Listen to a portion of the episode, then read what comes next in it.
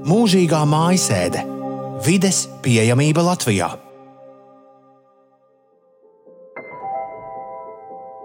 Pandēmija mums iemācīja, kas ir mājasēde. Bet Latvijā ir daudz cilvēku, kuriem būt iesprostotiem mājās ir pastāvīga realitāte jau sen. Un tie ir cilvēki ar funkcionāliem traucējumiem.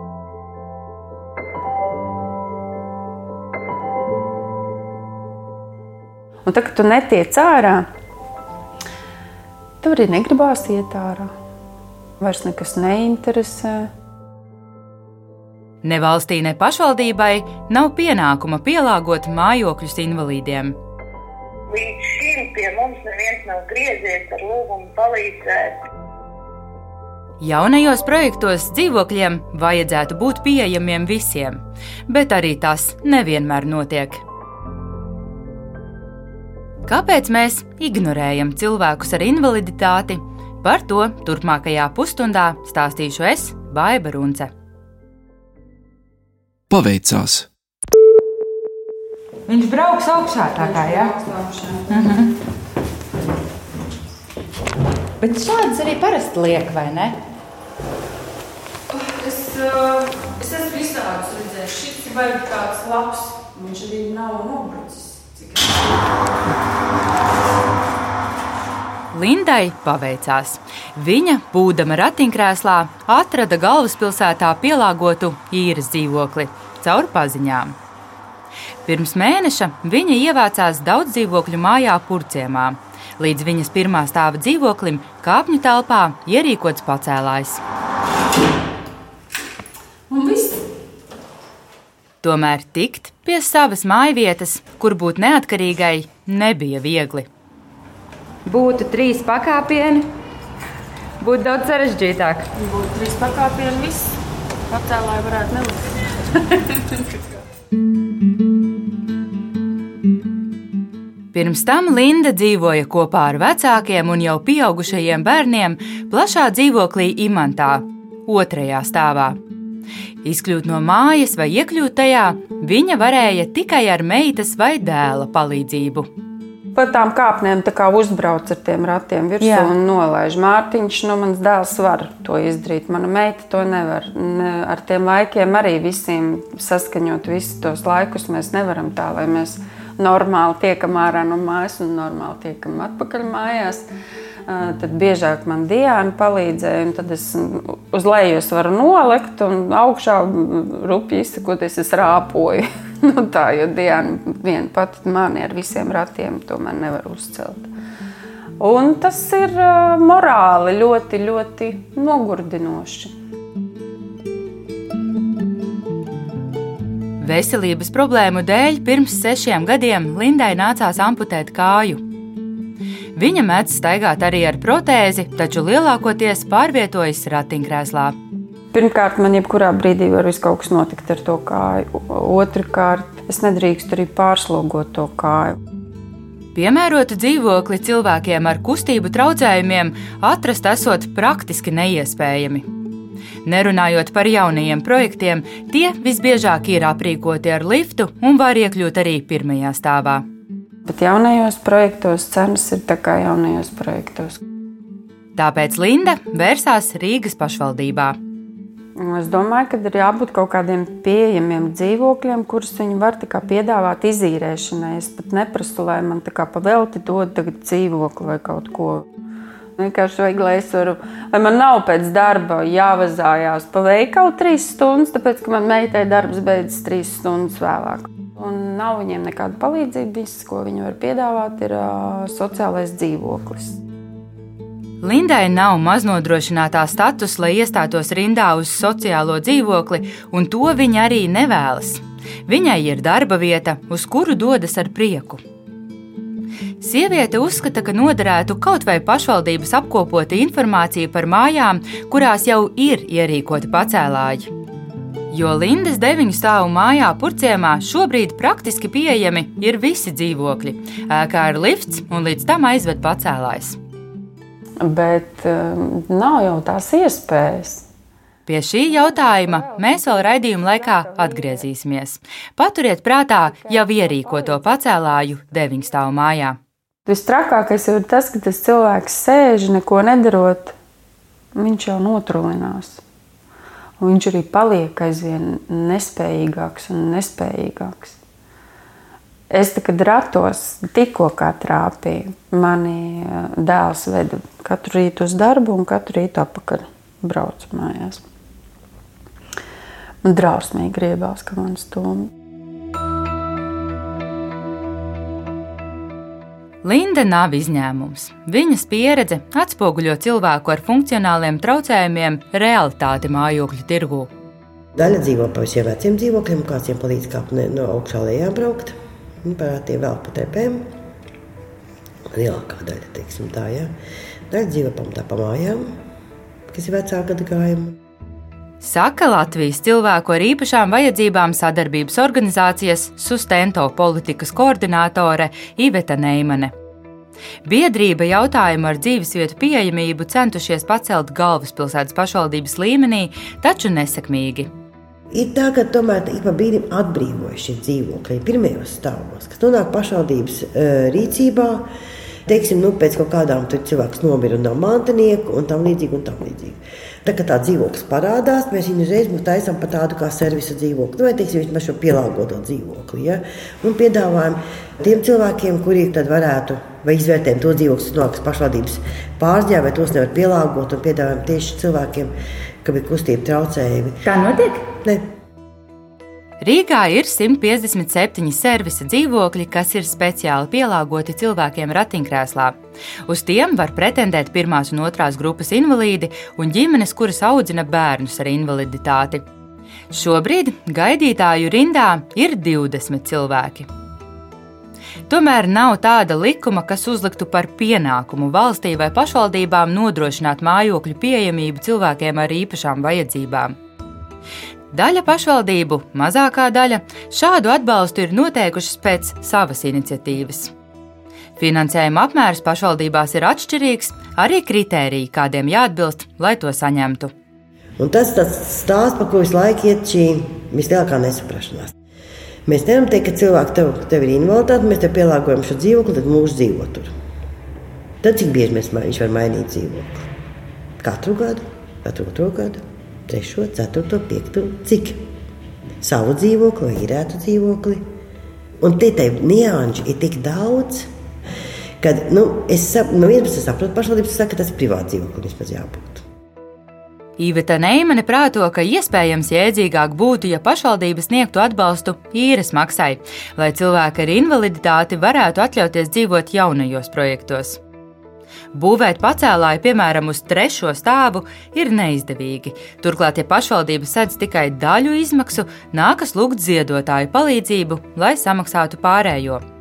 Vispār šie griezti ļoti tāda slidena lieta, ne? jo vienam būs vajadzīgi dārgāks, un vienam varbūt tās vajag smuku uzbrauktavītu, nemaz ne tik dārgu, vai ne? Man vispār nepatīk, ja mēs tā, man liekas, tā, ja pašvaldība atbalsta pacēlāju būvi, tad atbalsta pilnībā. Jo likt cilvēkam iet uz ziedot LV un nolikt tā kā šai lūdzēju lomā, tas nav normāli. Mēs laikam mēģinām cilvēku zinātnīs sistēmu, mēģinām nolikt viņus lūdzējos. Pie ziedot LV parasti vēršas tad, kad izstāvēta rinda uz pašvaldības atbalstu un cilvēks saprot, ka nespēs sekt līdzmaksājumu. Šogad ar organizācijas atbalstu uzstādīti divi pacēlāji Rīgā un Salkrastos, divi pandusi Rīgā un Ķekavā un iegādāts viens mobilais pacēlājs Rīgā. Vairākas reizes sniegts atbalsts arī mājokļa iekšējai pielāgošanai. Nu, lūk, zvanījuši ir vairāk cilvēku, bet es nezinu, kas ir tas, kas viņus vai nu viņi gaida vēl aizvien tā rindā, vai nu viņi ir tā, ka viņi nu, tā nolaiž rokas Nu, tā kā nu, jā, tur jau bezcerīgi. Norāda Ziedot LV programmu vadītāja Inese Danga. Pacēlāja uzstādīšanai doma piešķir 5950 eiro. Tik izmaksā lētākais stacionārais pacēlājs, kurš atbilst normatīviem un kuru var uzstādīt kāpņu telpas pirmajā stāvā.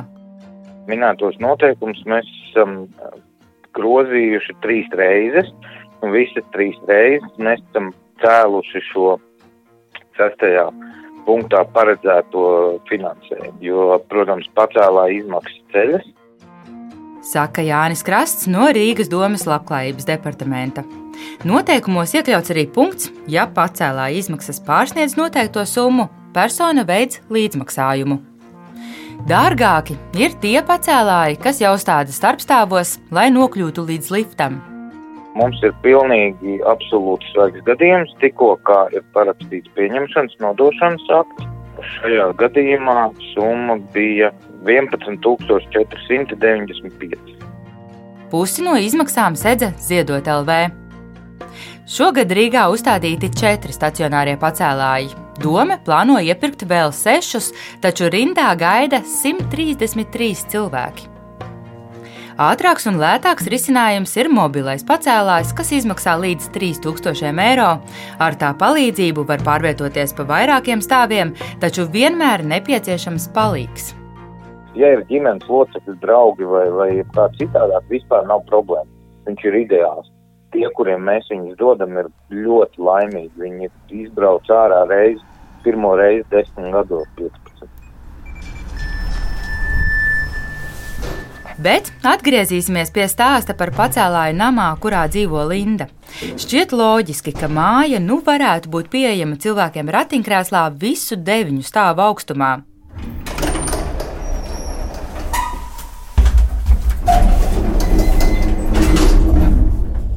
Taču tā nenotiek.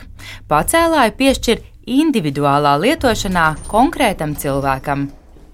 Tikai viņam, viņam ir elektrības pieslēgums pie dzīvokļa, un tikai viņam ir pults no šī dzīvokļa. Ja rindā mums iestājas vēl kāda persona, un tāda gadījuma arī ir bijusi, kas dzīvo vienā kāpņu telpā ar šo cilvēku, un viņam arī vajag, tad mēs vienkārši saskaņojot eh, elektrības apmaksas kārtību, piešķiram otram cilvēkam pultu, viss, bet viņam ir jāatbilst šiem saistošo noteikumu kritērijiem. Viņš nevar būt uh, vienkārši persona, kas grib lietot pacēlāju. Rīgas domas noteikumi paredz, ka pacēlāju piešķir tikai tad, ja telpas ir ģimenes īpašumā vai par tām noslēgts īres līgums vismaz uz pieciem gadiem. Par personu atzinumu gatavo arī ergoterapeits. Lindas gadījumā pacēlāju purcēmā uzstādīja vēl pirms šiem noteikumiem, un tas ir viens no pirmajiem galvaspilsētā.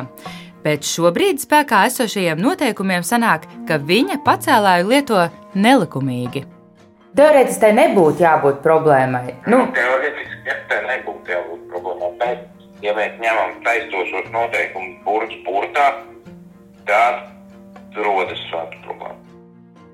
Rīgas domē tagad šo kārtību pārskata un visticamāk veiks grozījumus. Krasts norāda, ka katru gadījumu vērtē individuāli un pacēlāja citiem lietotājiem būtu jāpiesakās pašvaldībā. Pie mums šī informācija nonāk, mēs iedodam pulki. Mums jau nav atšķirība lietot 2, 5, 1 vai 10 cilvēku. Samierinājušies! Kas tev labāk patīk, vasara vai ziema, vai pavasaris vai rudens? Man patīk vasara un ziema. Vasara un ziema, pavasaris un rudens tā nē. Man kā vasarā var iet peldēties, un ziemā ir Ziemassvētki. Kristai ir deviņi gadi. Viņai tikko beigušās stundas, un mēs tuvojamies viņas mājai Jaunpiebalgā. Skaņas, kuras jūs dzirdat fonā, rada stumjamais staigulis. Ikdienā Krista pārvietojas ar palīgu līdzekļiem. Garākiem ceļa gabaliem kalpo ratiņkrēsls. Ar mums kopā ir arī viņas mamma Kristīne. Man sanāk tā, viņa man ir jāved eh, gan iekšā, gan ārā. Viņa viena pati to nevar izdarīt. Viņa var atnākt līdz durvīm, bet līdz ar šejieni, jo nu, te ir tas, nu, šitāds, piemēram, nu. Par šo vietu jūs esat runājuši? Es esmu runājusi, jā, ar Jaunpiebalgu. Te jau nekas sarežģīts nu, nav. nav bet Jaunpievilku doma pasaka, viņiem tas nav. Viņiem tas neinteresē. Krista dzīvo trīs stāvu mājas pirmajā stāvā, un pārvarēt sešus pakāpienus kāpņu telpā līdz dzīvokļa durvīm viņa var pati ar roku turoties pie sienas. Taču mēs atduramies pret trīs lēzeniem pakāpieniem ārpusē, pirms ieejas kāpņu telpā. Šeit Kristai nav pie kā pieķerties. Tāpēc blakus vienmēr jābūt mammai vai kādam no lielajiem brāļiem. Jo viņa vasarā tā viņa metās četrāpus. Krista piedzima priekšlaicīgi un līdz piecu gadu vecumam vispār nestaigāja. Taču vīra pāragrā nāve Kristīnai lika saprast, par meitas attīstību jācīnās. Un tad, kad vīrs aizgāja, tad tad es biju tā kā izmest no laivas. Un tad vienkārši vienā dienā es domāju, nu, ak, ko es darīšu tālāk. Un tad es gāju uz LV. Līdzcilvēku ziedojumi līdz šim bijis nozīmīgs atbalsts ģimenei, un arī šobrīd izskatās, ka būs nepieciešama palīdzība, lai pielāgotu mājokli Kristas vajadzībām. Un šī ir tā līnija istaba. Nu, kādreiz, kad viņa bija maziņa, viņa varēja ielikt nu, sēdus. Tas viņa pārpuņķājās, atmērķējās, bet tagad ir tā situācija, kad mēs atnākam, viņa nosvērš pie sienas, tad es viņu mazgāju nomazgāju, protams, pati slapa visa, un tad es viņu ceļu ārā. Būtu labi, ja Krista varētu nomazgāties pati, bez mammas palīdzības. Vērienīgi remontdarbi nav nepieciešami. Lielāka duškabīne un rokturis, kur pieturēties, vai vieta, kur apsēsties. Es uz Jaunpēbalgas domu ļoti mazēju kaut ko prasīt, jo reāli es zinu, ka tur atcertieni būs Nu, saprotiet, ir tā, ka viens otru mēs šeit pazīstam ļoti labi. Ir cilvēki, kas mani saprot, bet ir cilvēki, kas mani nesaprot. Un vienkārši, nu, apmēram, tu tagad atnāc un kaut ko prasi. Taču, tev taču viss ir. Tu taču staigā ar Nike botēm. Iekrāt naudu neizdodas, jo ģimenē aug vēl divi puikas. Kristīna strādā naktī, maizes ceptuvē, savukārt dienā dodas uz skolu kā meitas asistents. Pēc novadu reformas Jaunpiebalga pievienojusies Cēsu novadam. Cēsu novada pašvaldības pārstāvis apstiprina, ka pašvaldībai nav speciāla atbalsta mājokļa pielāgošanai cilvēkiem ar īpašām vajadzībām, taču jautājumu varot risināt individuāli sociālajā dienestā. Jaunpiebalgas pārvaldes vadītāja Dāce Bišera Valdemiere saka, līdz šim nav bijis pieprasījumu pēc šāda atbalsta. Konkrētā ģimene ir zināma, bet domē oficiāla iesnieguma nav. Es domāju, tās neat, nav neatrisināma lieta un ir sakārtojama. Tikai jābūt šim pirmam iesniegumam, uz kā pamata mēs sākam viņu vispār skatīt, stiprināt, un domāt un darīt. Šādu attieksmi no pašvaldībām organizācijā Ziedot LV sastop bieži. Nevienam ienāca prātā, ka Kristai kaut ko vajadzētu. Jā, jo tā mamma jau visu pati tiek galā, un tur jau tas ziedot LV un tā, nu. Komentēja Inese Danga no Ziedot LV un vienlaikus norāda, ka piedāvājumu veido pieprasījums. Invalīdi tiešām nevienmēr vēršas pēc palīdzības domē. Nu, viņi ir samierinājušies, viņi, nu, nu, viņi necīnās, viņiem jau nav spēka cīnīties var jau saprast. Man palika prātā, man attāla paziņa Itālijā bērnu ar cerebrālo trieku. Viņai bērns viņa saka, es zinu, katru gadu man ir buklets, ko man atsūta, kas man šogad ar bērnu jādara. Mana dzīve ir paredzama uz priekšu. Tā kā nu, es domāju, ka mums ir kur tiekties.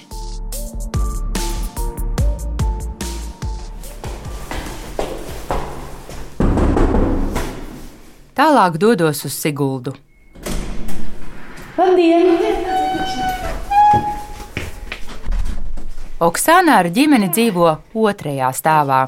Dzīvokli iegādājās kredītā vēl pirms bija piedzimusi Diana. Viņai ir bērnu cerebrālā trieka. Sarunas laikā astoņus gadus vecā meitene sēž mums līdzās. Viņa nerunā un nestaigā. Nu, viņa ir dzimusi priekšlaicīgi, ļoti priekšlaicīgi. 25. un 26. nedēļa piedzima pavisam maziņa, 840 gramu. Un tā mēs tur sākumā cīnījāmies vispār par to izdzīvošanu kā tādu. Un beigās, nu jā, sanāca tā, ka tā diagnoze ir tāda, un cīnāmies ar to tagad. Kamēr Diana bija maziņa, ik viens ģimenē viņu varēja uznest un nonest pa kāpnēm. Tagad galvenokārt tas jādara mammai. Vecamāma nevar viņu vairs nu, ne nonest neko arī pa māju. Tā, nu, viņa vecamāma pieskata ikdienā. Nu, nu, tagad, kad man pašai viņa jānes uz nodarbībām un visur, kur mēs braucam, rāti jau arī paši pa sevi smagi tie stāv mašīnā visu laiku, un tad es viņu nonesu un ielieku mašīnā. Nu, viņa jau sver 25 kg. Viņa sver kaut kur kaut kādus pirmos stāvus kaut kur meklējuši, varbūt esat?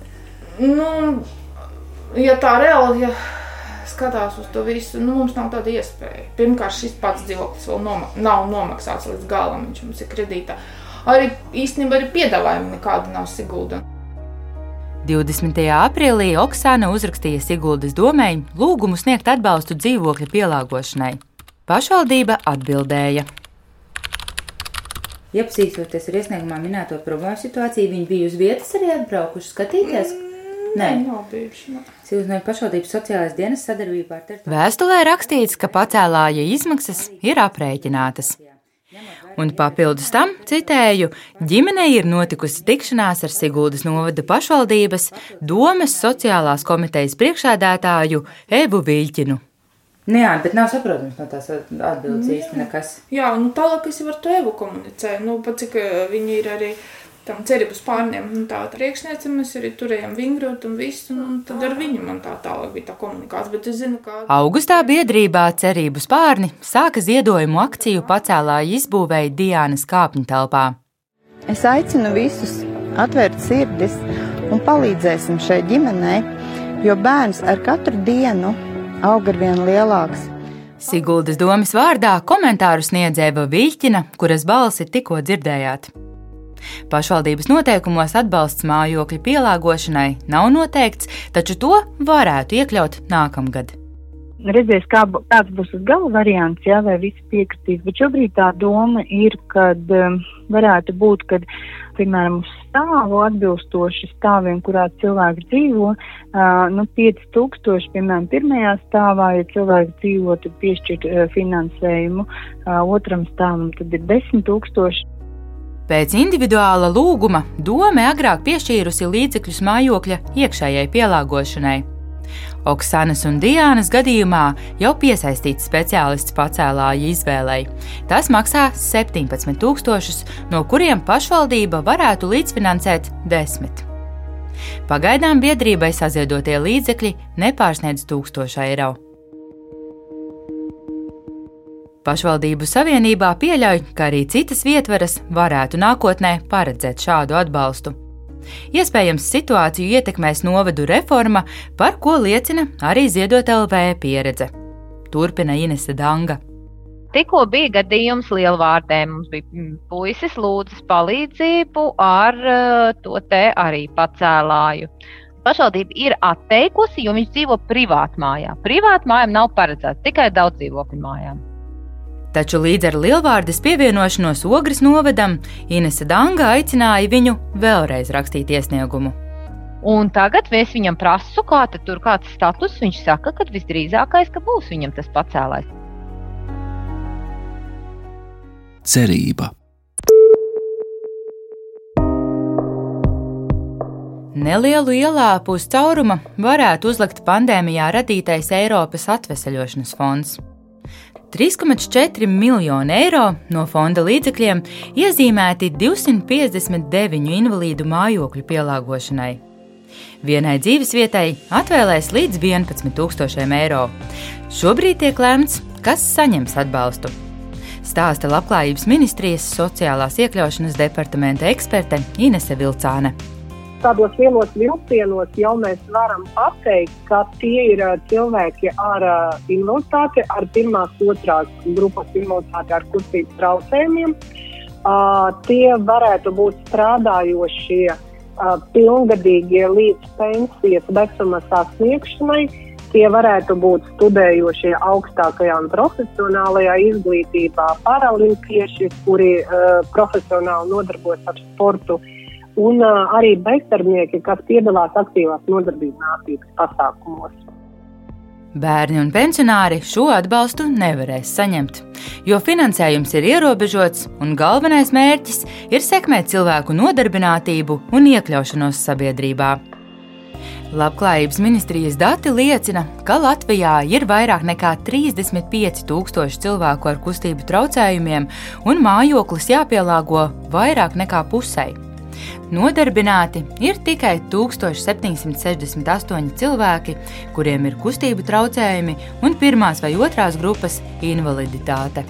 Kāpēc tur neierakstās arī cilvēki ar redzes, varbūt, vai dzirdes traucējumiem?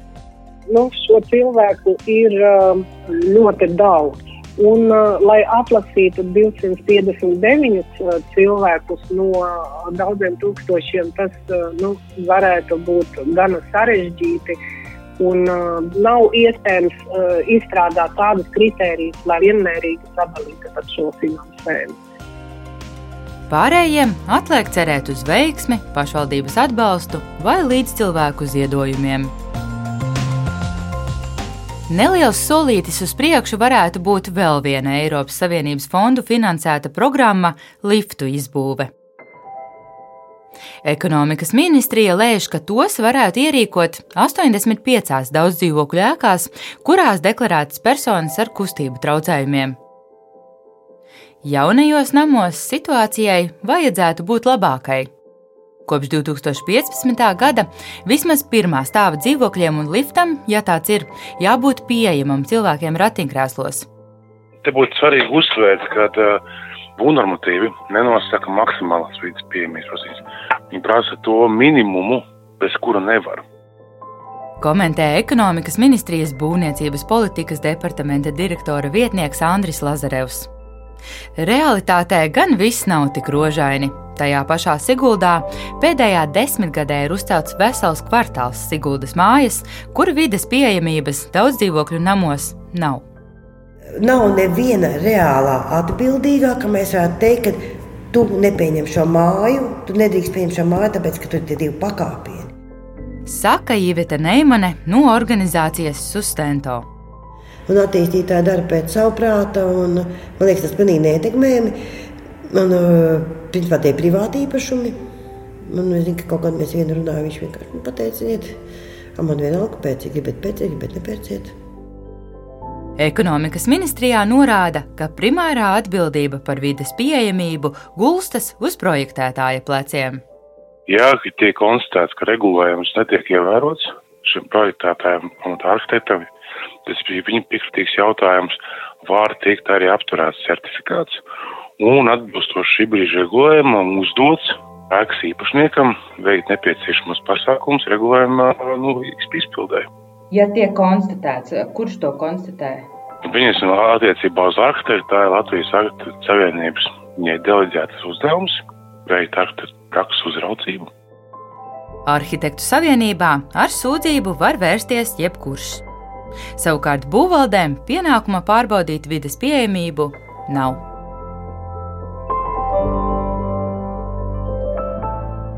Raidījumu veidoja Baiva Runce, Anita Brauna un Reinis Budze. Atvērtie faili!